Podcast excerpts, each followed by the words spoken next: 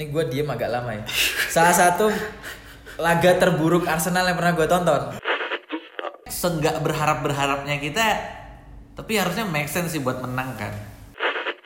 Rencananya penawar luka. Iya, penawar luka ya. Ternyata nambah luka. Nambah luka. Totally semua 100 itu di pundak Emery. Jadi semakin dia menunjukkan dia nggak siap untuk beban-beban seperti itu, semakin cepat dia keluar sih menurut gue. Sokrates itu tolol gitu.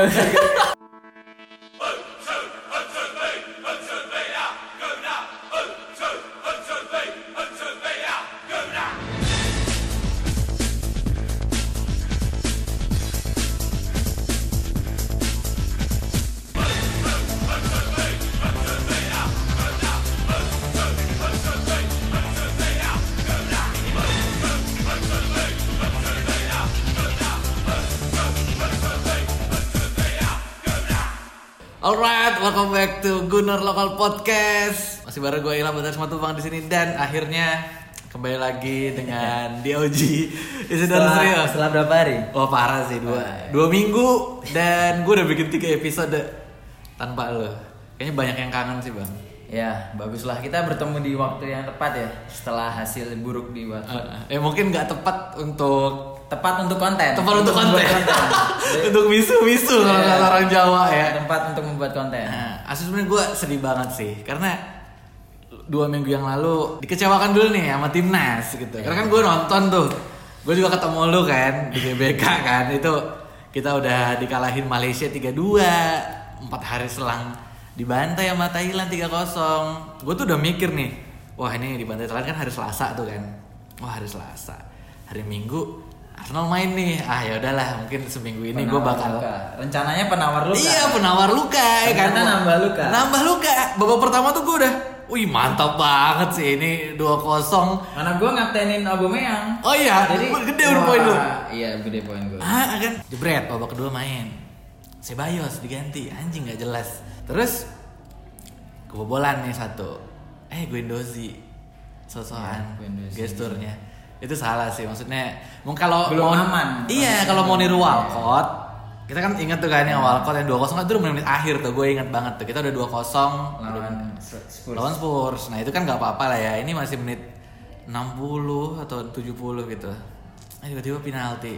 Kita seri itu babak kedua Arsenal kemarin sama babak keduanya timnas waktu lawan Malaysia lebih busuk Arsenal sih gue bilang. Nah, ini menurut lu gimana nih? Karena ada banyak juga yang bilang Emery ini gak adaptif sama taktiknya Warford. Karena Warford kita lihat di ngepressing Arsenal terus kan, apalagi build up dari belakangnya Arsenal tuh banyak banget yang gagal. Hmm.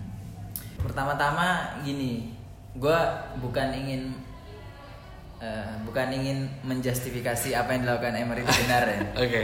Tapi gini, gue pengen membela dua alumni akademi kita, Oke, Rex Nelson dan Joe Willock. Oke. Menurut gue, dia dua anak ini dimasukkan di kondisi lapangan, momentum pertandingan yang nggak tepat, gitu. Jadi ketika mereka dimasukin di momen yang nggak tepat, mereka jelek. Hmm. Dan imbasnya sebenarnya beberapa, gue lihat di beberapa match reactionnya abis Arsenal posting itu kan gue lihat, wah kok Iya. pada ngebully Willock nih. Banyak yang bully Nelson gue baca. Iya, Nelson juga. Terus gue bilang dalam hati gue kayak, aduh, ini bukan sesuatu yang bagus karena sebenarnya yang bertanggung jawab untuk itu tuh Emery gitu. Hmm. Karena ya kita kembali lagi dari strategi pergantian pemain. Itu untuk untuk konteks pemain muda ya. Untuk konteks general, iya sih, ya sama sih. Kita kan fans timnas dan fans Arsenal. Plus gue Persib kan, Persib juga imbang juga. Persib juga imbang ya. Busnya dilemparin pula kan. Jadi, jadi kenapa gue Senin kemarin marah-marah tuh sebenarnya ya apa ya selama jeda internasional Liga 1 mulai lagi setelah libur putaran kedua Arsenal main lagi setelah dan semuanya nggak ada yang menang gitu Betul. malah worstnya timnas main di kandang dua kali kalah Ini itu jadi- semua berefek ya. dan itu numpuk di Watford Arsenal eh Watford versus Arsenal jadi karena itu puncaknya. Iya itu puncaknya. Jadi pertama yang kita bahas langsung ini. Langsung aja. Pertama sih yang eh, tadi kan kita di awal sebelum record kan gue pernah bilang, eh gue tadi bilang eh, sebenarnya apa yang ditunjukkan Emery ini agak agak agak anti klimaks, tidak seperti yang gue bayangkan ketika gue bikin preview awal musim. Karena bayangan gue apa yang kita miliki musim lalu. Musim lalu kan dia sangat reaktif. Dia berubah uh, dia menyesuaikan strategi ketika dia melihat ada sesuatu yang salah di timnya. Cuman ketika kita unggul 2-0 di uh, laga tandang tiba-tiba dua-dua terus kemudian setelah itu terjadi banyak luka-luka lama yang dibuka kan. Hmm. di media sosial kita menemukan itu. Terutama saat dia melatih Valencia saat dia di PSG jadi salah satu yang concerning sih menurut gua satu uh, bener uh, statistik ya kita bicara statistik ya. Data nggak pernah salah. 31 tembakan yang dilepaskan Watford. Dan sorry itu saya Watford peringkat 20 ya sekarang. Dan baru nyetak dua gol loh Iya, sebelum ini. jadi 31 tembakan dilepaskan ke gawang Burnley no, itu menurut gua memalukan.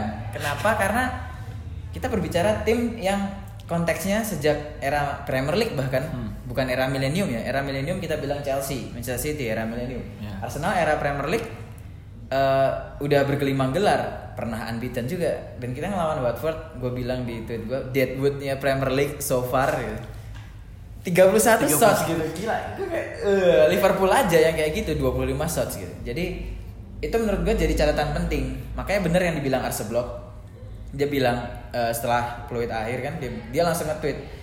Dan dapat sekitar 5 ribuan retweets kalau nggak salah gue lihat. Gue juga salah, satu yang retweets. Kita nggak Arsenal itu nggak improve nggak improve sama sama Emery nggak ke mana-mana. Dan itu sebenarnya salah satu alarm berbahaya ya karena musim ini baru berjalan lima laga lima pekan. Jadi kalau dalam lima pekan aja dari kita gue tahu kan Arsenal nih pasti dia pemegang tiket terusan. Hmm. jadi dia pasti nonton Arsenal home dan away.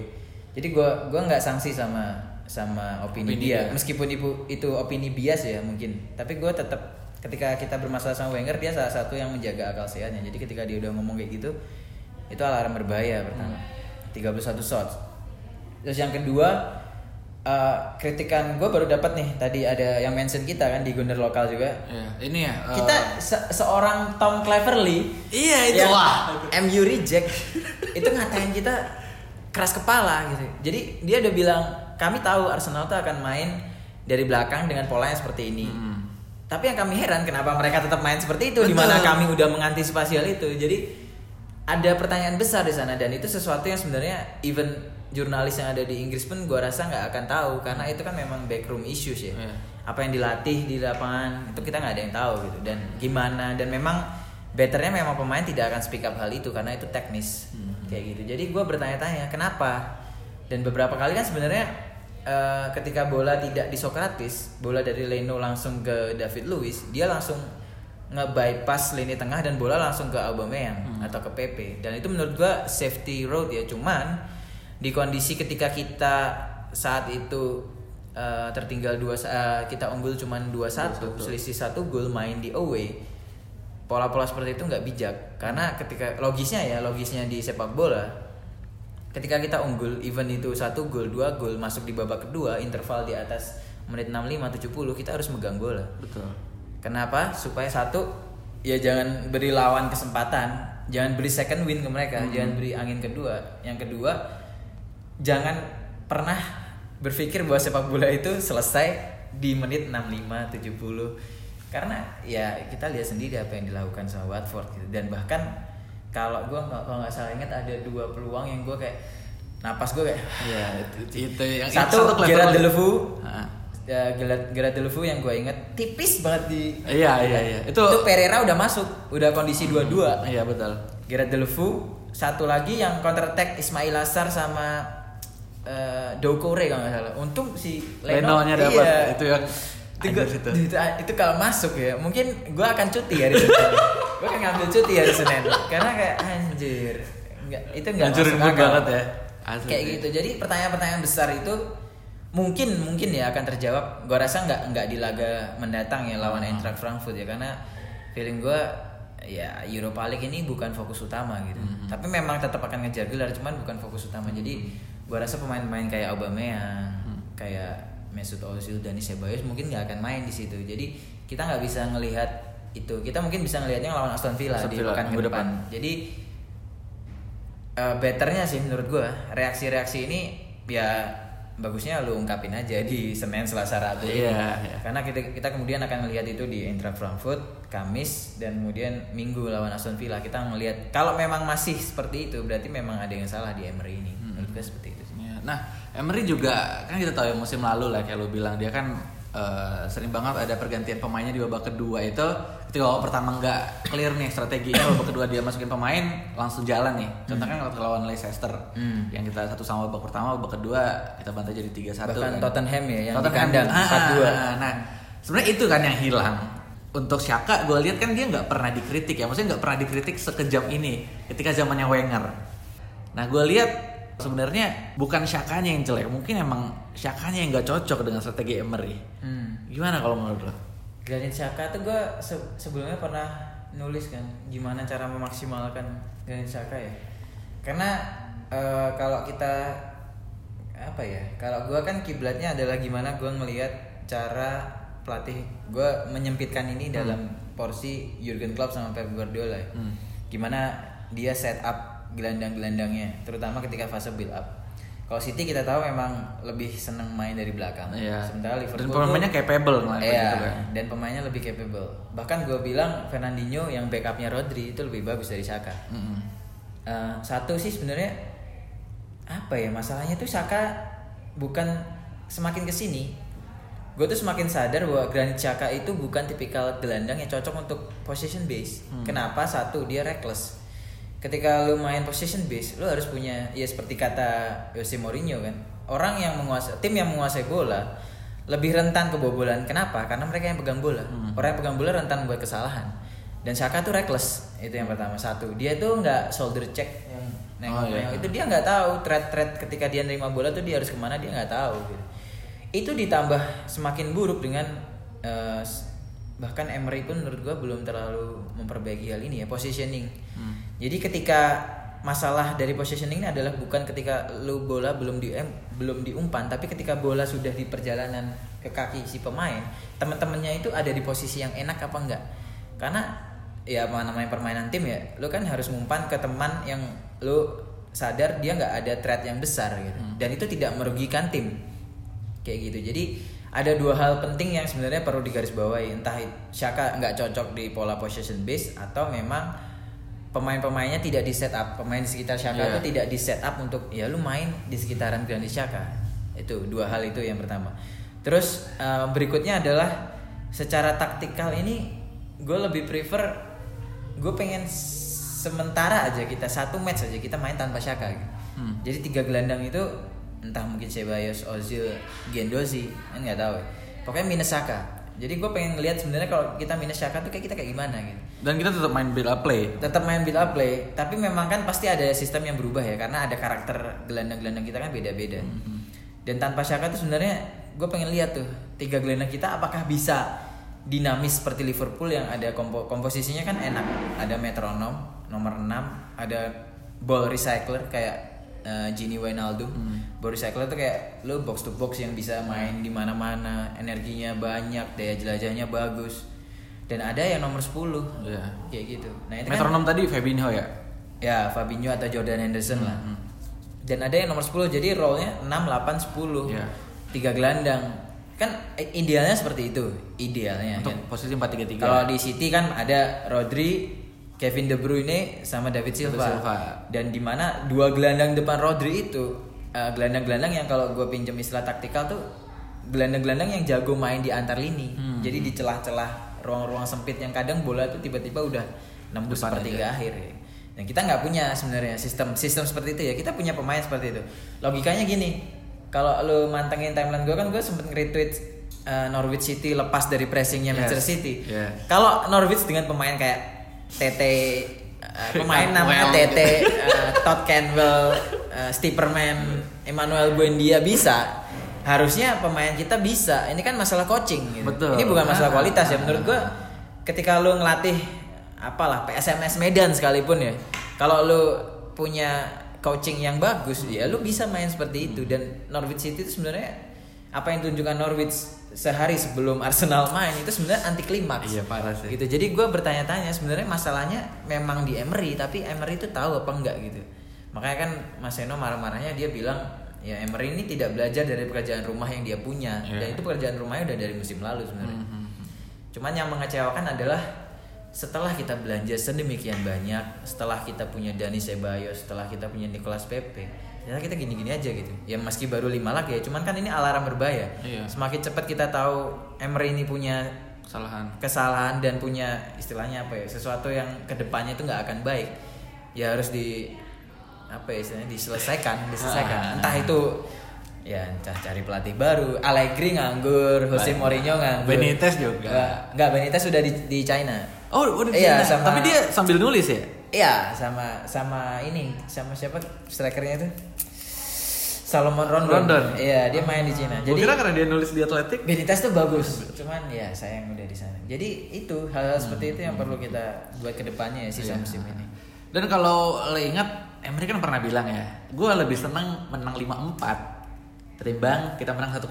Nah sebenarnya kalau bisa kita ambil dari sini, ya udah oke kita bakal sering eh, diserang banyak nih sama tim lawan. Tapi yang bisa diambil juga ya kita juga bakal sering nge-shoot juga ke tim lawan kan. Nah di pertandingan lawan eh, Watford kemarin itu itu yang nggak kelihatan nih. Omongan dia tuh nggak kelihatan di sini karena kita cuma nge-shoot 11 atau 9 shoot ya. Ya kan, sebenarnya kita Sembilan. 9 kan Sembilan. ya. Tapi kita kenanya dapat 31 shoot satu pertandingan. Jadi eh, ini fun fact juga ya sebenarnya. Satu-satunya laga dari lima laga yang udah kita jalani di Premier League ya. Kita cuman nge-shoot banyak 26 atau 25 itu lawan Tottenham. Hmm. Mungkin ter apa ya Iya. terbakar wah ini ya. gengsi nih kayak gitu. Benar-benar. Itu pertama. Yang kedua eh, laga lawan Watford tuh salah satu ini gue diem agak lama ya. Salah satu laga terburuk Arsenal yang pernah gue tonton. Umur gue jadi fans Arsenal ya. Eh. Gue udah gue survive di era ketika kita punya Sebastian Squillaci. Anjir. Gelandang kita masih Harry Henry Lansbury, Jual Emmanuel. Frimpong. Gelandang tengah kita masih nama-nama seperti itu. Striker kita masih coba Akpom. Gue survive di era-era seperti itu. Marwan Camak. Jadi ya. ini ini tuh melihat kalau gua kalau lu ngelihat Wenger main dengan Frimpong Mhm. Dengan Lansbury dan dia masih konsisten besar sakti bro. Sakti bro. Kan kita pu- makanya Emery ini punya resources yang bagus gitu kan. Tidak se- sejelek musim lalu kan at least. Dia juga udah ngebuang istilahnya Deadwood Welbeck udah nggak ada. Iya. Mkhitaryan di detik-detik akhir dipinjemin. El Neni juga. Jadi ya ayolah gitu loh kayak kayak gitu. Jadi per- pertanyaannya di situ. Nah soal shot tadi itu juga jadi pertanyaan kalau di laga away kan kita udah away itu tiga kali ya. Tiga, kita ke- Liverpool Uh, Liverpool tuh kita mending kita 13 shot kalau nggak salah. Kita cuman kalah shot di laga away itu Newcastle. Newcastle. Kita cuman 8 shot. Itu juga jelek banget tuh mainnya sebenarnya. Untung Aubameyang klinis kan waktu itu. Sama Watford. Jadi pertanyaannya adalah sebenarnya secara mentalitas uh, ketika kita unggul dalam kondisi sebenarnya pertanyaannya ketika kita unggul 2-0, 1-0 uh, j- uh, margin margin gol yang menurut gue tuh ri- riskan ya Tipis-tipis yang, di, gitu ya. yang diinstruksikan Emery itu apa? Gue Betul, kadang betul. Gue tuh kayak kalau gue ada di sana di presscon, gue pengen bilang, lu bilang apa ke Aubameyang? Lu bilang apa sih ke Ceballos? di jeda pertandingan Gue itu pengen ya tanya hal kayak gitu kayak kenapa gitu? Hah. Apa sih yang lu bilang?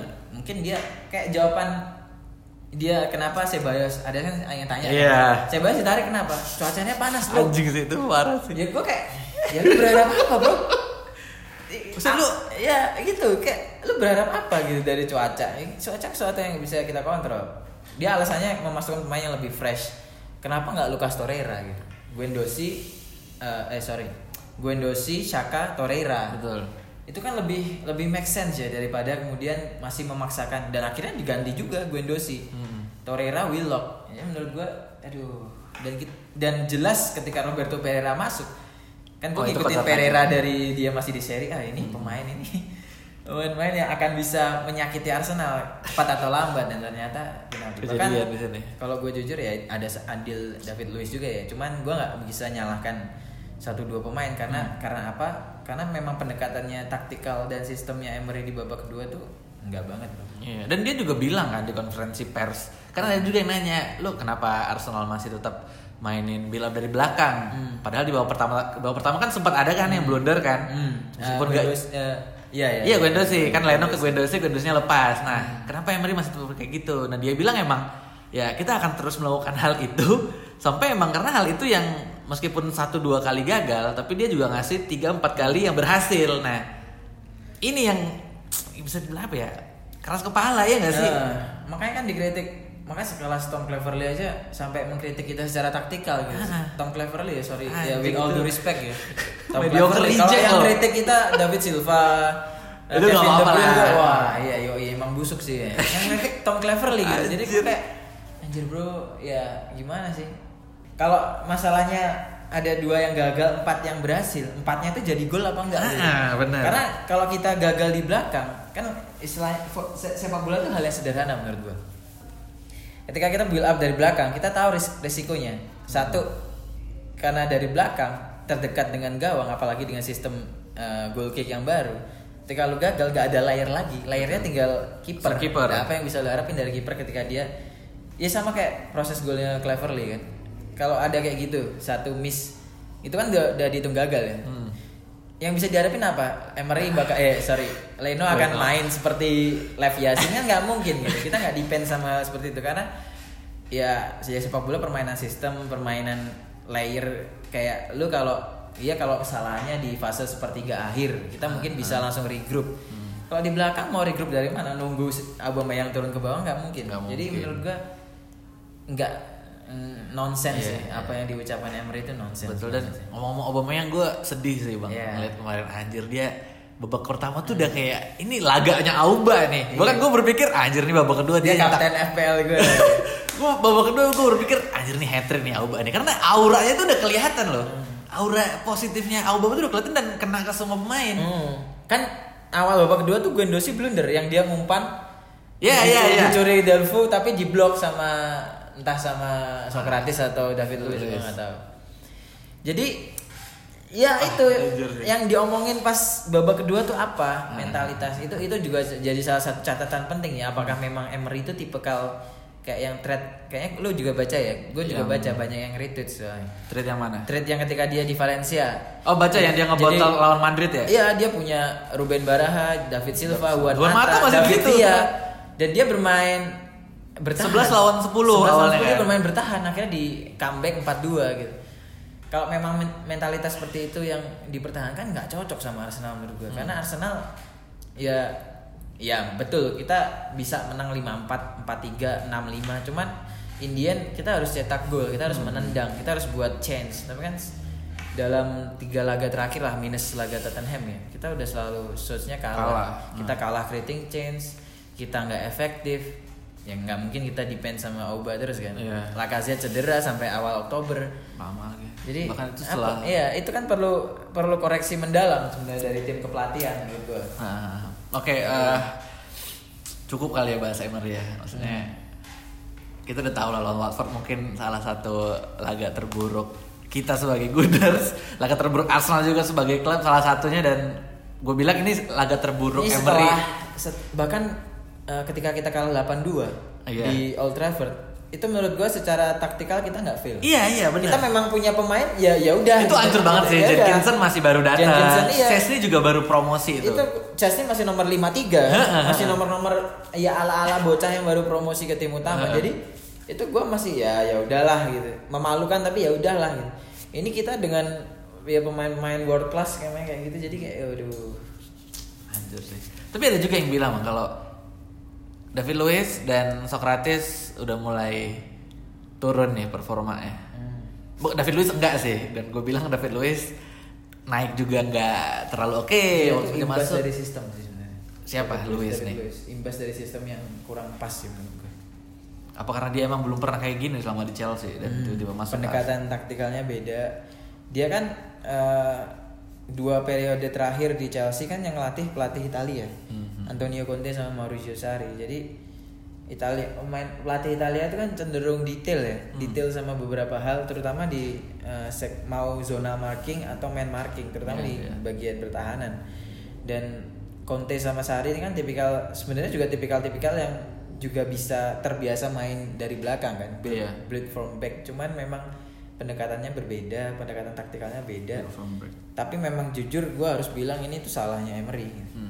Bukan ya David Luiz memang mengecewakan ya cuman dia nggak akan gitu kalau dia tidak terekspos. Kayak peluangnya Roberto Pereira kan itu counter attack. Roberto Pereira udah dua lawan satu. Di samping ini udah ada bukan main buka dia harus dia tahu dia udah di kotak penalti.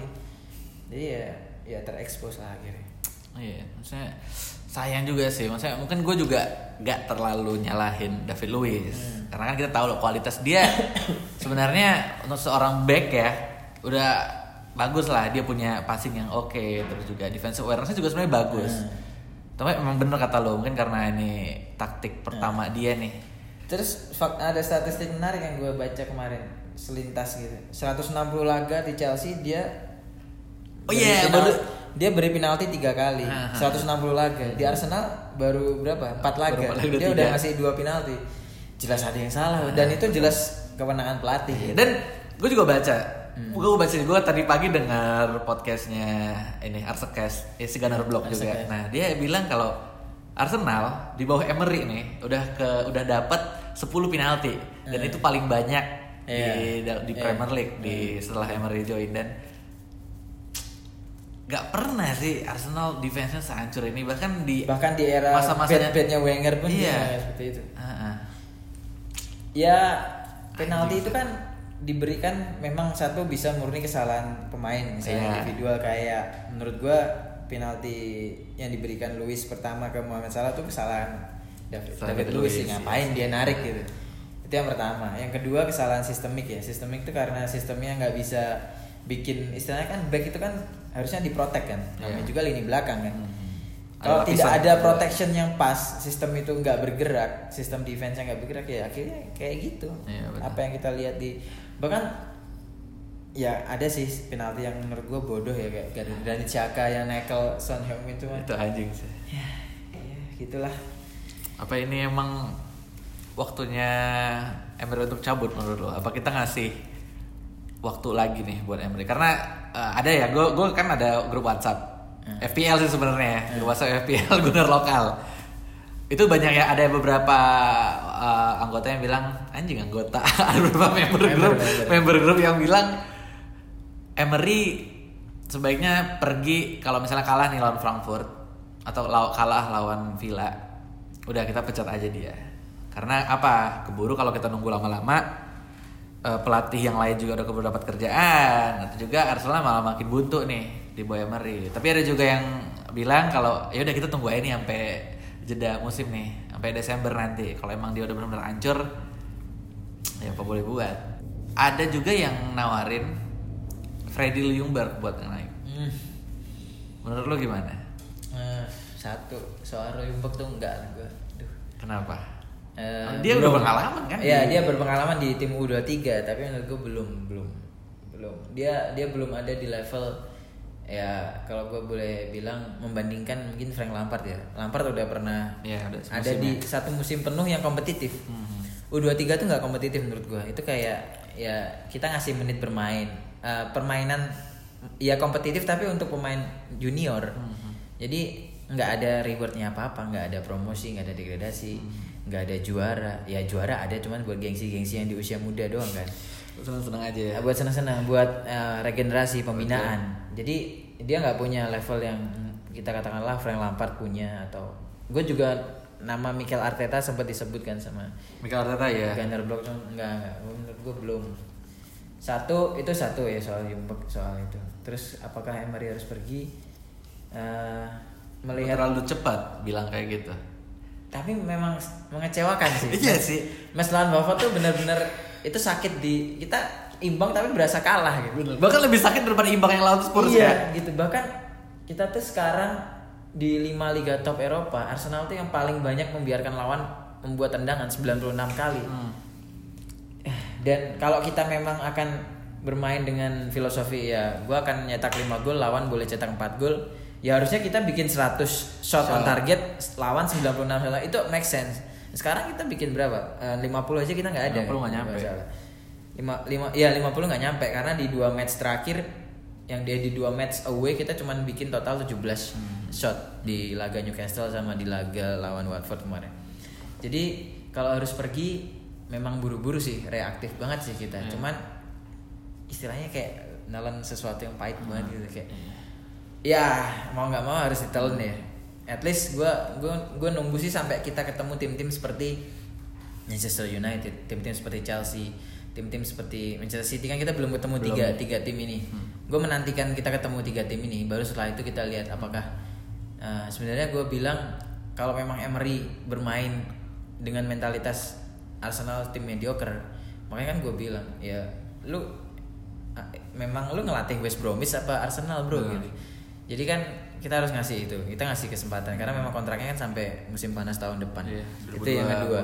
yang ketiga kita harus juga realistis dengan apa yang ada sebenarnya kalau preferensi gue pribadi gue pengennya pelatih Jerman pelatih asal Betul, Jerman Jerman ini lagi Daniel Farke bagus-bagusnya karena ya. Jerman kan dari ya Mereka tuh ada satu sekolah kan, mereka, Farke mereka sama iya Klopp satu sekolah Daniel Farke, pelatih kan ya? terus, uh, salah satu favorit gue tuh sebenarnya Nagelsmann. Julian Nagelsmann Anjir, gokil sih dia. Julian Sekarang dia di mana, Pak? Thomas Tuchel tuh sebenarnya gue suka cuman Tuchel tuh agak keras kepala gitu. Sama kayak Emery dong ya. rentan uh, clash sama Pemain. sama board sama board Hmm. rentan clash sama board jadi gua ya bagus Nagelsmann lagi. masih Hoffenheim. Nagelsmann masih di Leipzig dan Leipzig Oh. sekarang pemuncak klasemen di Oh iya di sih. Bundesliga Kemarin Sementara seri lagi lawan Bayern kan. kayak gitu gue sih prefer kalau kita memang mau gambling ya kita kasih kesempatan lah ke pelatih pelatih muda yang sebenarnya belum under radar kayak Daniel Farke kan sebenarnya under radar kan Iya. nggak ada yang nggak ada yang tahu sebelumnya tiba-tiba dia bawa Norwich juara championship temu Puki jadi kayak gitu aja gokil sih. Ini kan sesuatu sebenarnya sesuatu yang worth it worth it tuh perlu dicoba. Salah satunya dengan mencoba pelatih asal Jerman kita nggak perlu well established coach ya karena ya terbukti Emery ya dia jualannya ini sih sebenarnya. Europa League tuh ya. ya tiga kali beruntun juara Europa League. Dan orang kemudian lupa memang bahwa dia punya celah ya. yang ini mulai terbuka kan. Iya, tiba-tiba ini, ini tuh kayak kalau Tiba-tiba. based on match dari Watford ini kayak lo nge-hire orang di kantor di interview bagus uh, LinkedIn-nya kerja- bagus nih. iya LinkedIn-nya bagus interview bagus uh, masa uji percobaan 6 bulan bagus wah ya udah lu gua angkat jadi Iya. pelari Probation tetap. kelar nih, probation probation kelar nih dia masuk terus dikasih wah nih gua kasih dana nih lu bebas berkreasi apa pun Ah. yang bagus untuk perusahaan tiba-tiba cerak kelihatan busuknya wah dia dulu ternyata anjing keluar Waduh, semua. Kalau mau gua pecat, dia udah jadi eh, udah jadi pegawai tetap, harus Ah. ngasih pesangon. Waduh, ber- besar lagi pesangonnya. kan? Jadi itu dilematis dan kalau dipecat, apakah kita akan menemukan karyawan pengganti dia yang lebih bagus Baik. ke depannya? Itu kan hal seperti itulah kayak gitu. Iya. Jadi kalau gua boleh jujur sih kan tinggal yang nganggur yang top level ya kayak tadi ya Allegri, Mourinho. Mourinho, siapa lagi? Ada si Van Ya kalau mau sama Lardes. Tapi nggak mungkin kita ke. Van Gaal juga. Van Gaal udah ada udah pensiun.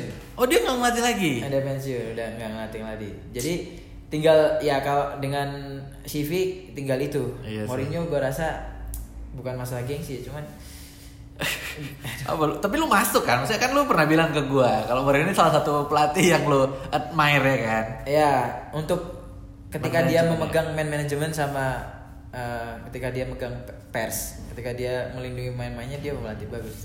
Tapi pendekatan taktikalnya itu gua nggak terlalu cocok sama Mourinho dan Dan juga nggak cocok ke Arsenal juga kan? Cocok. dan culture-nya tuh beda gitu. Culture tim ya Arsenal way-nya tuh nggak dapat Iya, iya. banget gitu. itu juga salah Ale- alasan kenapa City nolak Iya. Mourinho sih. Dan kenapa Barca juga nolak dia? Dia lebih milih bukan Pep Guardiola saat itu. Kalau Allegri bisa, cuman Allegri itu punya eh, punya sebenarnya sama sih kayak kayak Emery. Emery.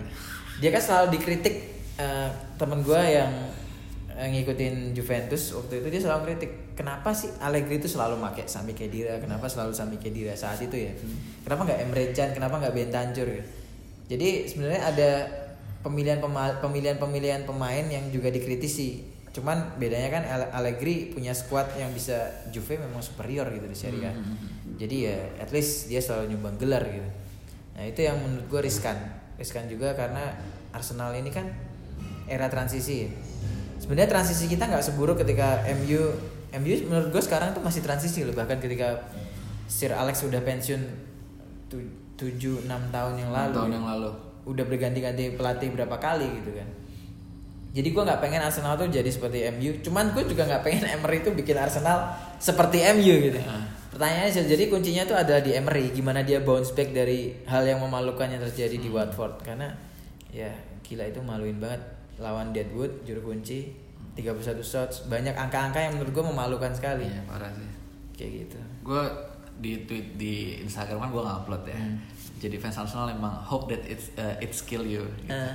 Itu banyak banget teman yang ngebalas ya udahlah, ada jadi fans Norwich aja karena Norwich sebelumnya tuh bener-bener Eh, main itu jadi kayak patokan tim-tim gede loh. iya. Lu iya. ketika lawan City dan kalah, lu bakal diejek "Ah, Jadi- lebih jago Norwich daripada lu gitu. Iya, satu yang gua ini kita out of topic ya. Jadi satu yang gua salut dari Norwich kan gua nonton juga ya Norwich. Iya, gue juga nonton Dia- itu gokil sih gitu. ngadepin juara bertahan ya bener sih dia main di kandang tapi dia dia tim promosi dia ngadepin juara bertahan istilahnya kayak boxing Eh, kan gue selalu bilang kalau lu main sepak bola lu percaya diri sama squad lu sama taktik lu ya udah lu ladenin toe to toe gitu jadi pukul pukul jab jab balas jab kayak gitu itu yang dilakukan Norwich Dan itu yang nggak pernah dilakukan sama tim lain gitu. Iya, jadi tim lain tuh udah keder duluan nih. Norwich punya plan. Dan semakin worse-nya lagi kalau dibandingin sama Arsenal. Norwich tuh lagi badai cedera. Bener, iya gue inget yang tweetnya tuh. Eh, Max Aarons nggak main. Dia back back eh, back kanannya Jamal Lewis kalau nggak salah. Godfrey itu siapa? Godfrey juga nggak tahu Bahkan kan. kipernya tim Crow tuh lagi cedera. Iya, kipernya kan si ini eh, eh Tim Krul main. Iya, Tim tapi Krul tim. Crow lagi cedera juga bang. Iya, tapi dia bawa sa- saking krisisnya dia bawa dua kiper di benchnya. dua kiper. Jadi dan itu dia bisa menang lawannya City pula. Nggak tanggung-tanggung kalau dia menang lawan Newcastle lah ya. Biasa lah ya. Ya, oke. City dan sehari setelahnya kita nonton Arsenal kayak gitu. Pokoknya kayak gitu Itu kayak anjir. anjing gua. Dan kalau lu lihat meme kan banyak banget ya yang ngata-ngatain gila Norwich kayak gini. Ah, Iya. parah sih. ya gue cuma bisa menghela nafas makanya kan gue bilang ke cewek gue cewek gue kan biasanya ngefilter tweet gue nih Oh, kan. oh, dia ngecek nih. Iya, karena, Oh gue eh, tahu lu ada nge-tweet itu kan. itu iya kontol gue gue. bilang gue bilang please lah sa- satu hari ini aja gue pengen melampiaskan sesuatu tolonglah ya gue bilang tolonglah senin senin ini aja gue nggak akan ngulang itu lagi makanya gue bilang ah ya udahlah ini Tapi lu hapus tweetnya tuh? Nggak, nggak. Oh, Masih enggak. ada, masih Mantap, mantap, mantap. Itu itu gue retweet kan. Wah, dia ojis uh, fun shots gitu kan. itu aduh Jersey lu udah bagus tapi mainnya kayak gini kontol aja. Anjing sih. gue emang kecewa banget sih gue di situ Iya benar. jelek banget mainnya Itu karena ya itu tadi kita bilang itu kan kayak udah puncaknya kan. Hmm. Soalnya hari Minggu tuh kayak semua Gunners dia Gunners di Indonesia tuh udah habis jeda internasional juga. Iya, udah berharap banget nih. Apalagi lawannya juru kunci. Maksudnya senggak berharap berharapnya kita, tapi harusnya make sense sih buat menang kan. Kalau gue Coba. minjem istilahnya si Gunnar Block yang dia tulis di Athletics, Arsenal ini eh Michael Cox, Arsenal ini bertahan nggak bisa, nyerang pun nggak efektif. Maunya apa gitu? Michael Cox tuh bilang gitu di analisis pasca laga. Itu zonal marking ya, itu. Iya, zonal marking. Arsenal ini defense jelas nggak bisa karena ada 31 shots dilepaskan. Hmm. Attacking bahkan nggak nyampe seper eh, nggak nggak nyampe setengahnya jumlah shots Watford, walau dia cetak dua gol ya. Itu murni ya kalau kata Cox kan murni kualitas Aubameyang, apalagi gol pertama. Iya, itu satu counter langsung. Jadi maunya apa tim ini gitu? Dia defense nggak bisa, attack nggak bagus. Apa? Makanya yang ditanya Ngawang-ngawang Iya, di Emery ini, pertandingan. ini tim ini mau apa? Identitasnya apa? Lu mau ke mana? Lu mau jadi apa? Ini kan kita kayak tim yang sedang quarter life crisis gitu. Mau nikah nggak punya duit, mau kaya juga harus kerja lebih giat lagi. Iya. Nggak tahu mau ngapain. Nah. Jadi ya itu era-era dan ini jujur mengecewakan ya karena apa yang kita lihat di bursa transfer pergerakan backroom udah bagus ya Sanlehi sama siapa Sanlehi sama, Sama siapa Vinay, Vinay. Edu sama Edu, Edu, ya. Edu, udah ya. bagus udah Ah. ya udah lu lu minta apa Nicholas Pepe kasih Dapat Ceballos juga. David Dani Ceballos bahkan itu kan preferensinya si si Emery. Emery, pribadi dikasih Hmm. back kiri dikasih Tierney jadi gua rasa udah dikasih kayak gitu dan tidak perform tuh mengecewakan Nah, menurut lo kan uh, Chambers Chambers main bagus kan? Lu Nah, ingat di kan? lawan Newcastle, clean sheet, ya. Tiba-tiba dia di pertandingan selanjutnya nggak pernah main lagi. Terus juga Holding juga udah balik kemarin Hmm. main full full time di U23. Bellerin itu dua baru nih, Bellerin sama Tierney juga mau balik nih. Menurut lo apa kedatangan mereka berempat nih bisa merubah segalanya di barisan pertahanan Arsenal apa bakal tetap aja kalau tergantung Emery? kalau Arsenal kan selama bertahun-tahun berpuluh-puluh tahun bahkan ketika Wenger berkuasa itu kan depend sama individual quality. Iya, iya, dan kalau gue. kita kalau kita jujur itu. saat itu kita memang punya resources untuk itu. Di era Bergkamp kita punya kita punya lah era-era golden generation. Pires bahkan di semua semua lini kita jago Lini ada, waktu benar. itu itu era-era 2004 era setelahnya Henry udah nggak ada kita punya Fabregas Van Persie. Kita depend sama dua orang itu. Samir Nasri bahkan era setelahnya kita punya Ozil Sanchez ini udah nggak ada nih Ozil Sanchez kita ternyata masih depend sama pemain-pemain kayak Aubameyang Lacazette Lacazette. Bahkan ada yang bilang Auba, tanpa Auba Lacazette Arsenal tuh nggak ada Iya, apa-apa. tanpa memang gue mengakui tanpa Aubameyang Lacazette Arsenal tuh cuman setara Apa? apa, ya tim paling busuk sekarang apa ya Watford, Watford. ya yang yang ternyata melepaskan Lebih, iya. 30 lebih Bukan kita lebih busuk ternyata Iya. daripada Watford. Anjing makanya itu itu yang mengecewakan terus eh, kalau eh, kita kembali ke tadi ya bahasan Iya, back yang gue nantikan sebenarnya back sayap Hmm. Pertama satu, Ainsley Maitland-Niles ini Wah, iya. bukan back kanan. Bener. Dia bukan back, dia bukan back lah pokoknya. Kalau uh, nanti di convert jadi pemain sayap kanan, oke lah. Hmm. Tapi dia bukan back. Interceptnya bagus, tapi dia bukan back itu. Hmm. Jadi banyak banyak banyak atri- atribut yang memang bikin dia itu bukan back. Dia nggak punya defensive awareness yang bagus. Dia tackle-nya nggak bagus, dia reckless. Untungnya cuman dia crossingnya bagus, interceptnya oke, larinya kenceng. Itulah kenapa ya udahlah jadi back sayap. Karena Bellerin datang. Bellerin kan memang punya atribut seorang back back kanan. Jadi gua rasa Bellerin datang nanti ketika dia pulih Oktober atau late September dia udah main, gua rasa dia akan langsung langsung masuk sih di slot back kanan. Terus kalau gue boleh geser dikit ke tengah, gue berharapnya ya setelah apa yang Sokratis ini apa ya? Udah banyak juga loh ya. Eh, ya. Sokratis itu tolol gitu. Lu ngeliat ada ini ini, ini gue gue waktu dia bikin kesalahan itu kan gue membayangkan gue ada di posisi Sokratis. Ah. Di sini ada Delevu, depan ada Cleverly. Ini dijaga nih. Jadi lo tahu pem- pemainnya akan lo umpan, entah ini Shaka apa Guendouzi gue lupa. Lo tahu kalau lo umpan ke sini, either akan diblok dari sini atau langsung dipepet dari sini, itu pasti ada kemungkinan itu. Dan dia dengan po- polosnya ini, tes Dengan gitu. tenang banget Iya. loh. Tolol menurut gue kayak, lu pemain profesional loh dan dia udah 30-an ke atas. 31. Lu punya experience gitu. Jadi apa yang bikin lu seperti itu gitu? Dia kalau Gue nggak tahu ya apa yang bikin dia seperti itu. Makanya gue butuh Rob Holding. Rob Holding akan sebenarnya layak dicoba di situ. Karena satu ya orang-orang bahkan nyebut dia kan eh, Holding. better than Cannavaro gitu kan. Holdini. Jadi gue rasa Rob Holding tuh layak dicoba. Hmm. Terutama sebelum dia cedera musim lalu dia udah bagus. Di bawah Emery dia bagus. Sistem 3 back dia bisa. Dan gue prefer dengan kebodohan-kebodohan lini belakang sebaiknya kita nggak main 3 back lah gitu. Terlalu riskan ya. Itu yang pertama. Terus Luis menurut gue harus dipertahankan ya kalau memang kita main 4 back dan ada Rob Holding di sana menurut gue Luis tuh perlu. Hmm. Jadi Rob Holding masih muda, nggak mungkin kita masang Chambers dan Holding Holding, bersamaan. Tidak di saat ketika ya sistem defense kita masih kayak gini gitu. masih belum Jadi, ada yang pas ya. Iya harus at least satu back senior entah itu Luis atau Socrates. Cuman gue nggak prefer Socrates jadi Luis.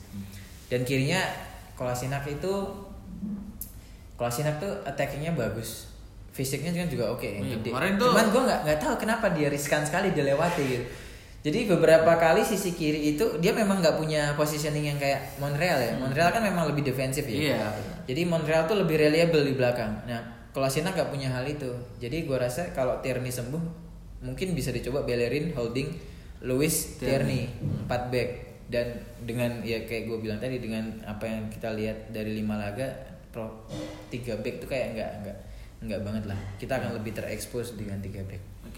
Buat gelandang kemarin kan kita mainin Shaka, Guendouzi, Ozil dan Sebaik sama Pepe ya di sana. Sama Pepe. Itu sebenarnya kalau apa fluidnya tuh dapat ya. Dapet, ya. Ya, Sebayos di tengah bener-bener kayak jadi eh, apa sih motornya lah di tengah Ozil tapi mungkin lebih sering ke sayap, sering juga jadi di lubang apa di antar lini itu. Nah, ini udah yang posisi apa formasi gelandang terbaik menurut apa sebenarnya? Lebih asik kita pakai tiga gelandang. Yang benar-benar gelandang. Kan kemarin kan di sayap kiri Ozil kan yang Hmm. ditaruh kan. Aubameyang jadi target man. Sayap kanan ada PP apa lebih enak kita pakai tiga gelandang beneran dan tiga pemain apa tiga penyerang? Kita kan kalau tiga penyerang kan bisa dipakai Reis Nelson Auba sama PP Kalau dari sektor gelandang tuh sebenarnya Ozil main tuh karena imbasnya Lacazette cedera sih menurut gue. Jadi mau nggak mau ya dah lu main tapi dengan sistem yang menyesuaikan Ozil dia jadi nomor 10. Jadi kan sebenarnya kalau ada Shak, ah, kalau ada Lacazette kan kita main 4-3-3. Iya. Aubameyang yang dipaksa melebar Saya. ke kiri. Eh, iya ke kiri. PP di kanan. Itu kalau ada Lacazette. Nah, ini nggak ada Lacazette, mereka main ya dipaksa Ozil kita jadi diamond sih sebenarnya. 4-3-1-2 Hmm. ala-ala pohon Natalnya Ancelotti di di eh Berlusconi sukanya Berlusconi di Milan. Itu menurut gua nggak ng- sudah terbukti tidak tidak berjalan efektif ya terutama ketika kita dalam kondisi sebenarnya ingin mempertahankan keunggulan. Tapi kalau kita kalau kita main di kandang gue selalu percaya 4-3-3 itu udah bagus. Kenapa? Sistem tiga gelandang itu kalau melihat resources pemain Arsenal sistem tiga gelandang itu ya udah paling oke Arsenal punya komposisi gelandang menurut gue karakteristiknya beda-beda Iya. Cuman pertanyaannya adalah berani nggak sih Emery mengubah pendekatannya? Salah satunya dengan kita mulai dari hal yang mungkin sedikit radikal ya. Coba kita nggak nggak masukin Granit Xhaka di sana. Katakan kita taruh Lucas Torreira di situ. Guendouzi, Torreira, Ceballos. Gimana? Kita kan nggak pernah ngelihat itu. Kita selalu bermain dengan ada Xhaka. di Ada. Shaka di situ. Gimana kalau nggak ada Xhaka? Gimana kalau memang sebenarnya kita nggak bisa maksimalin Xhaka, Emery nggak bisa maksimalin Xhaka, gimana gitu? Kan kita nggak pernah pelatih kita nggak pernah berani bereksperimen dengan hal itu. Kalau Ozil tuh memang ya Ozil tuh gimana ya final final passnya tuh memang salah satu yang dirindukan. Larinya dia Ozil tuh kan jarang lari, tapi Iya, sekali dia lari itu meaningful Benar. kan filsuf dia tuh. Sekali lu lari, gue akan lari. He runs when he he needed to Iya. run gitu. Jadi menurut gue pemain-pemain seperti Ozil tuh sebenarnya selalu bisa ya, selalu bisa beradaptasi. Ah, Kalau dia mau beradaptasi ya, dia selalu bisa dapat tempat.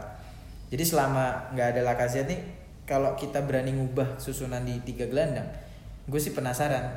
Katakanlah kita main 4-3-1-2 tapi nggak diamond. Hmm. Tiga gelandang tuh lebih compact gitu. Jadi lini tengah tuh lebih apa ya? Benar-benar 6 8 10 yang kalau bilang ya. ngelindungi iya ngelindungi belakang tuh lebih enak jadi kan gue penasaran sama Torreira Gendosi itu kan bisa bisa dicoba di situ Iya. Dengan Ceballos. Ceballos. karakteristiknya tuh bukan metronom klasik yang kayak Saka nerima bola ngalirin. Ya kalau lancar mulus nggak apa-apa kayak Rodri. Gua Tapi jelas ini Xhaka. lancar. Iya Saka jelas nggak lancar.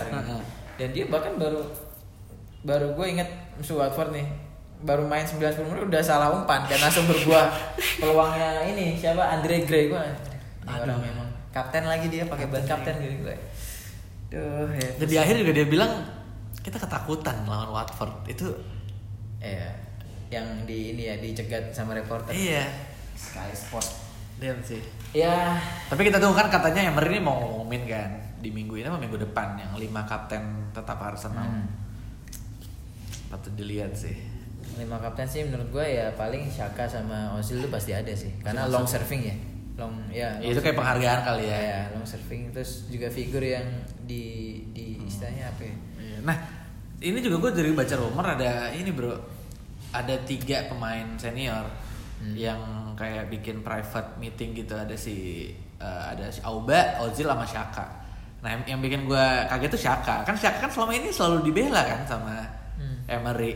Hmm. Dan maksudnya di press conference ketika dia bikin tackle yang nggak perlu banget itu Tottenham, dia ngebelain. Terus juga kemarin si Shaka bilang kita takut, si Emery juga belain lagi. Tapi tiba-tiba di berita tuh kalau nggak salah di goal.com gue baca, mungkin gue nggak tahu ya goal.com reliable untuk dipercaya apa enggak.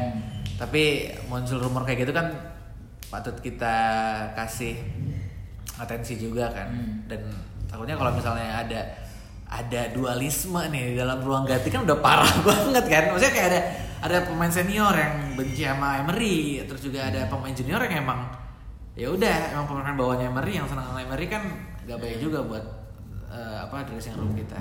Salah satu rumor yang gue baca tuh sebenarnya sebelum match lawan Watford, gue bacanya Jumat kalau nggak Sabtu gue lupa. Hmm. Jadi ada yang bilang itu entah Lee Dixon atau siapa gitu, gue lupa. Salah satu ex Alan Smith yang ini ya, yang Alan Smith ada pemain-pemain yang nggak ngerti. Iya, iya Alan. Smith Iya, ya. Alan Smith. ha. Jadi itu sebenarnya faktor eh, gini. Emery kan udah lumayan bisa bahasa Inggris ya. Cuman kayaknya apa yang dia mau pemain tuh nggak paham. Hmm. Dan kalau gue ditanya itu salah siapa? Salah pelatih. Hmm. Kenapa? Karena dia yang bikin pemain kan tugasnya menjalankan instruksi pelatih. Ya. Kalau kalau lu sebagai pelatih nggak bisa nyampein berarti lu yang salah, bukan pemain lu yang nggak paham gitu. Karena kan nggak mungkin lu mecat pemain lu. Yang paling mungkin dipecat adalah pelatih karena dia bertanggung jawab.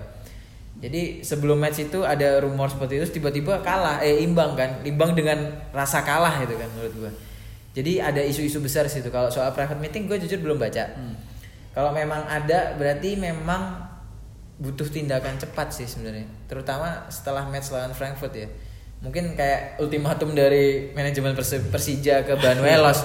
Lo kalah lawan PSIS, ya sorry Kelar to say semua. goodbye gitu. Dan menurut gua itu tegas sih.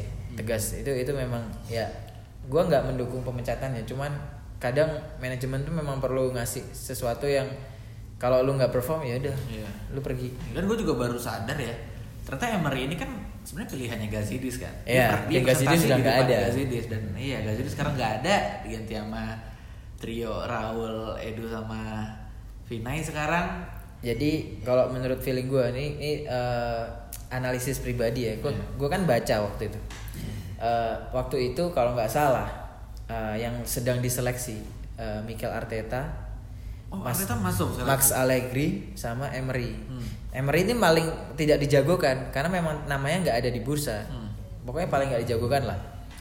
Terus suatu ketika dia diundang ke sama Stan Kroenke sama Gazidis. Jadi memang benar kalau dibilang sebenarnya dia pilihannya Gazidis benar. Dibilang itu karena yang di waktu itu kan kita sebenarnya ini salahnya Gazidis juga. Waktu itu dia udah sedang negosiasi sama Milan untuk Si jadi Emery? CEO. Oh, si Enggak, Gazidisnya. Gazidis. Iya, iya, iya, Jadi iya. dia mem- memutuskan sesuatu untuk jangka pendek karena dia tahu dia nggak akan di Arsenal dalam waktu lama. Itu yang salah. Karena menurut gua lu nggak bisa nentuin sesuatu ketika lu mau pergi gitu. Hmm. Nggak nggak seperti itu caranya. Dan ternyata pilihannya gua nggak bilang ya kalau kita milih Mikel Arteta katakanlah kita akan bernasib lebih bagus musim lalu. Nggak seperti itu memang. Nggak nggak sesederhana itu. Cuman variabelnya menjadi semakin aneh ketika orang yang secara personal suka dengan presentasi Emery itu udah nggak di Arsenal, udah nggak in charge di player development, udah nggak in charge di transfer. Jadi ya ya gimana gitu. Jadi ada tidak sinkronan di situ sebenarnya. Terus soal Emery, kalau dia kan memang kontraknya sampai 2000 akhir ah, Tiga tahun kok dari Iya tiga 2015. tahun akhir 2020 kan Hmm, hmm. Setelah ya 2020 2021 akhir musim itu. Dan itu bisa berakhir lebih cepat. Kenapa? Karena satu dia mulai ter- mulai mulai nggak jelas nih kayak gini. Dan sebenarnya kan awal musim lalu eh awal musim ini ada gerakan we we do you we care, Oh, we do, care you. do you. ya we care do you. Itu kan juga itu nyerang manajemen juga menurut gua menyasar ke Emery juga. Karena kalau manajemen dianggap manajemen sebenarnya udah menjawab ya dengan jadi gini menurut gua fans Arsenal tuh pinter. Manajemen udah ngejawab kita dengan transfer Nicolas Pepe kita udah udah sebuah statement dari manajemen kita punya uang gitu kita bisa beli siapa pun yang kita mau. Sanlehi udah nunjukin itu. Sekarang burden itu ada di Emery. Karena selama ini kan selalu dibilang manajemen ini nggak support pelatih. Pengennya siapa dapatnya siapa pengennya siapa dapatnya siapa. Sekarang manajemen udah ngejawab itu. Jadi lu pengen siapa keluar? Ya udah keluar. Mkhitaryan keluar Enalni keluar Welbeck keluar. Lu pengen siapa datang Sebayos Masukin. datang Saliba datang Tierney datang Pepe. Pepe datang jadi menurut gua burden sekarang totally semua 100 itu di pundak Emery jadi semakin dia menunjukkan dia nggak siap untuk beban-beban seperti itu semakin cepat dia keluar sih menurut gua Betul, gue setuju banget sih. Apalagi Arsenal nih kita tahu fans-fansnya demandingnya gede-gede Iya, banget ya. Karena gini, karena emang udah bertahun-tahun kita di bayang-bayangnya Liverpool, City. Heeh. Jadi bahkan Tottenham tiga, Tiga tiga musim tahun. terakhir Saint Tottenham dia libur bro. Benar. Jadi ya gila aja. Nggak nggak bisa gitu, nggak bisa. Kayak yang kalau kita ngibaratin sama Malaysia, ya kita boleh kalah sama siapa pun lah, jangan Asal Malaysia. Malaysia. Sama kayak Tottenham kayak ya kita j- bolehlah di bawah Liverpool atau City tapi jangan di bawah Tottenham. Tottenham. Kayak gitu. Apalagi musim lalu cuma beda satu poin loh Hmm. sama Tottenham. Itu pun juga karena kebodohan-kebodohan kita sendiri ya di Crystal Palace. Gue inget banget tuh di kandang. Itu parah sih. Mustafi ya. Dan nah, ini menarik lagi Mustafi nih. Banyak yang bilang malah jadi pada rindu sama Mustafi. Tapi kalau gue Mungkin lebih kayak gini, kayak apa ya efek psikis ya mungkin karena kita Iya. ngeliat anjing dua back Depresi ini ya. bodoh sekali gitu. Ya udahlah kita coba lah M eh, Mustafi. Iya, jadi kayak semua opini-opini itu keluar tuh. Wah, Mustafi kayaknya lebih cocok nih daripada Luis. Iya. Kayaknya Chambers sama Holding masuk nih jadi back nih. Semua-semua apa opini-opini. Iya. Tapi gue tetap stand my opinion ya soal Rob Holding sih. Menurut gue patut dicoba ya. Iya. Kalau Mustafi dia tuh sebenarnya udah dipersilahkan keluar kan, cuman nggak ada Iya, yang nggak ada yang mau, Nggak ada yang beneran. mau. Dan valuationnya juga tinggi jadi ya bahkan di tiga atau empat pertandingan terakhir nggak ada di bench. Iya nggak ada di bench kan. terus juga sebenarnya ada nama Dinos Mavropanos cuma enggak lah Enggak, gue Riskan, mau riskan. gue mau sembuh sembuhin Mavropanos pun gue rasa Hmm. nggak cocok sih. Enggak riskan. Kita butuh sistemnya lebih lebih stabil dulu untuk Ah. bisa kayak kayak Chelsea nih. Kenapa mereka berani mainin itu? Karena Lampard tuh udah tahu apa yang dia mau Iya. ketika dia datang. Gue baca tulisannya si ada yang, yang nge- nge-cover Chelsea di Athletics. Lampard tuh bahkan ketika belum belum tanda tangan kontrak nih, Hmm. dia udah bilang ke youth developmentnya Oh. Chelsea yang di Cobham kalau gue datang pemain-pemain muda yang lu rekomendasiin bilang ke gue gitu. dia udah bilang seperti itu jadi sebelum dia datang dia udah tahu dia mau main main kayak gimana main kayak apa. Oke dia kalah 4-0 tapi setelahnya Tammy Abraham top skor sekarang. Mason Mount panggil timnas. Fikayo Tomori nyetak gol kayak orang gila Itu ya. gokil sih itu, itu Iya. gol-gol yang cuma ada di FIFA itu iya, sebenarnya. iya kayak gitu. Jadi ya makanya kayak kita kembali lagi kan ke omongan Iya. Michael Cox. Emery ini mau gimana? Mau bikin Arsenal kayak gimana? Nggak ada identitasnya. Ya, tapi apa lo ya ini enggak setuju nggak kalau misalnya emang tim-tim kayak Arsenal, tim-tim yang punya sejarah panjang banget itu emang harus diisi sama pemain yang emang dulu main di Arsenal. Ya kan misalnya kayak, MU sekarang, terus juga kayak Chelsea, Barca dulu sama Pep Guardiola. Eh, aduh agak sulit ya ini menurut gua kalau satu-satunya mungkin kan Freddy Ljungberg sama Thierry Henry ya Patrick Yang- Vieira juga sih. ah ya Patrick Vieira tapi ya Vieira boleh lah nice Henry berantakan di Monaco jadi ya susah sih melihat Henry akan Hmm. dipercaya di Arsenal itu susah tapi dia memang punya passion melatih itu bagus cuman kalau mau kita mencontoh Frank Lampard atau Ole Gunnar Solskjaer sebenarnya yang paling paling make sense itu Freddy Ljungberg sih Hmm. pertama dia udah terlibat ya di pembinaan pemain Iya, dia tahu lah iya. kualitas-kualitas pemain muda-muda kita dia udah tahu Hmm. Kalau kita mau gambling melakukan seperti yang dilakukan Chelsea dan MU saat ini ya Freddy Ljungberg yang paling Iya. paling make, make sense Dan sebenarnya juga yang pakai pemain lama pun nggak semua works ya kayak di Milan kan kita tahu Sidorf, Inzaghi itu nggak jalan semua. Mungkin emang Barca dengan Pepnya ya beda karena emang Pep Iya. ya udah Pep jenius Pep itu ya dari ya, ya. sat- sa- lu- unik satu di antara sejuta lah Pep Tapi itu. di Invincible dulu tapi nggak ada ya yang maksudnya yang emang dia jenius tuh ada sih berkam tapi kan Ber- berkam ini tapi kan jadi berkam asisten nggak bisa pelatih ya dia bahkan bilang udah kan dia nggak bisa naik pesawat ya Iya. Pokoknya dia dia maunya ngelatih teknik pemain aja, asisten pelatih, ngelatih yang memang sisi teknikal. dan dia emang nggak mau pergi dari Belanda Iya. Memang punya fobia. Menurut gua gini, sederhananya eh, kita berbicara kita menggabungkan antara sepak bola industri dan tuntutan untuk juara kan. Di konteks ini kita perlu mencontoh Liverpool dan Manchester City. Menurut gua dua tim terbaik Inggris saat ini itu mereka. Tottenham, eh, MU, Arsenal bahkan Chelsea itu masih setengah langkah. Arsenal mungkin satu setengah langkah di belakang gitu. Kalau kita belajar dari itu kan ya oke lah City itu memang berusaha membeli. Tapi kan mereka beli sesuatu yang sebenarnya memang mereka butuhkan. Mereka berani bayar 70 juta pound untuk satu gelandang bertahan karena mereka butuh untuk itu. Dan mereka punya Pep Guardiola jadi mereka tahu mereka kita kita nggak bisa ngebeli sejarah nih. Lalu apa yang bisa kita beli? Eh apa yang bisa kita create? Identitas main cara main.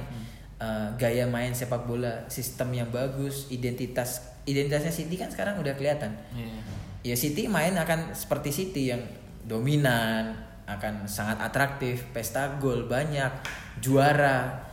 Liverpool lah. Dari dua tim itu Liverpool yang menurut gua eh, menapak ke jalan yang menurut City udah ada, udah lewat ya. Iya. Satu, Liverpool jelas punya sejarah.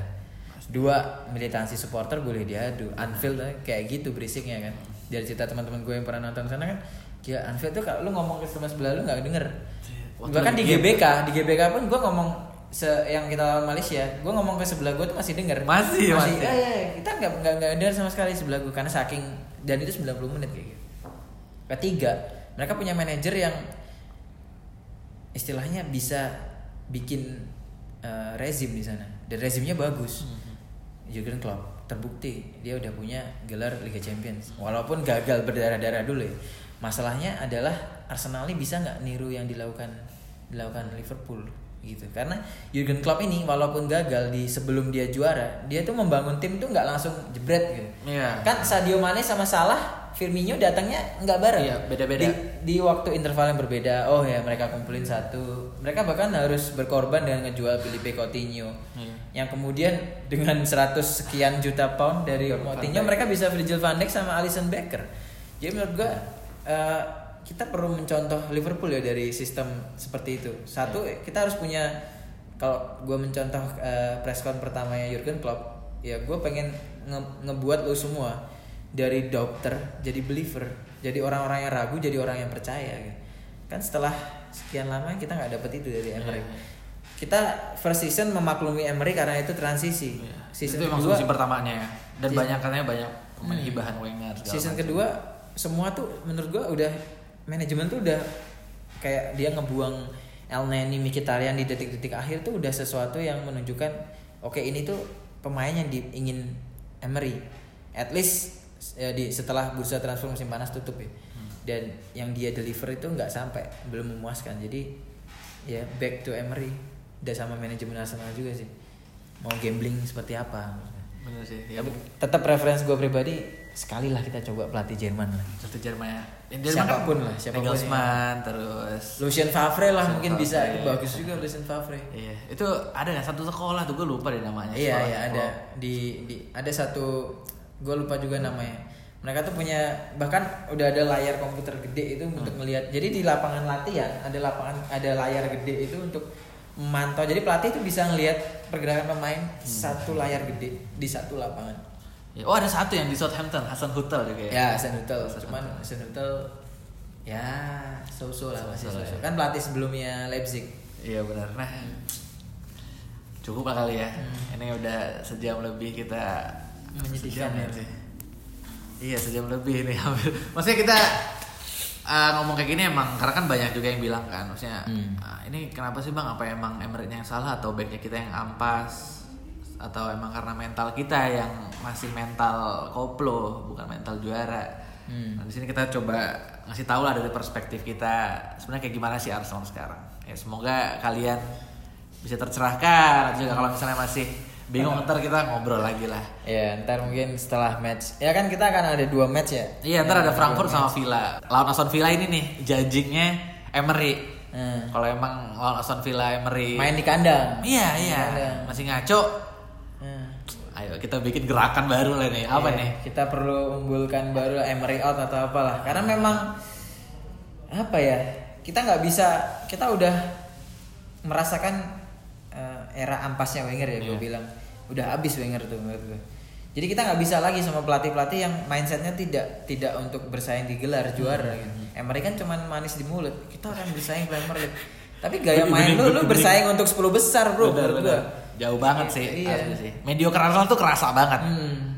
Dan kita ya mengutip kata Syaka kita takut ngelawan Watford nih. Kalau kita ketemu City kencing di celana pemain kita. Malu-maluin gitu. Anjir kencing di celana. Ah, ya udah deh. Iya. Buat gue semua kita kawal Emery. Kita lihat nih lawan lawan Frankfurt dia kayak gimana, apalagi ntar lawan Aston Villa gimana kalau emang masih hancur. Kita rame-rame bikin tweet tag Emery out. Gue Oke. Ilham Batari Matong pamit. Gue Sidor Rio pamit. Sampai jumpa di episode selanjutnya. Bye. Podcast ini didukung oleh @id underscore Gunners. Jangan lupa follow ya.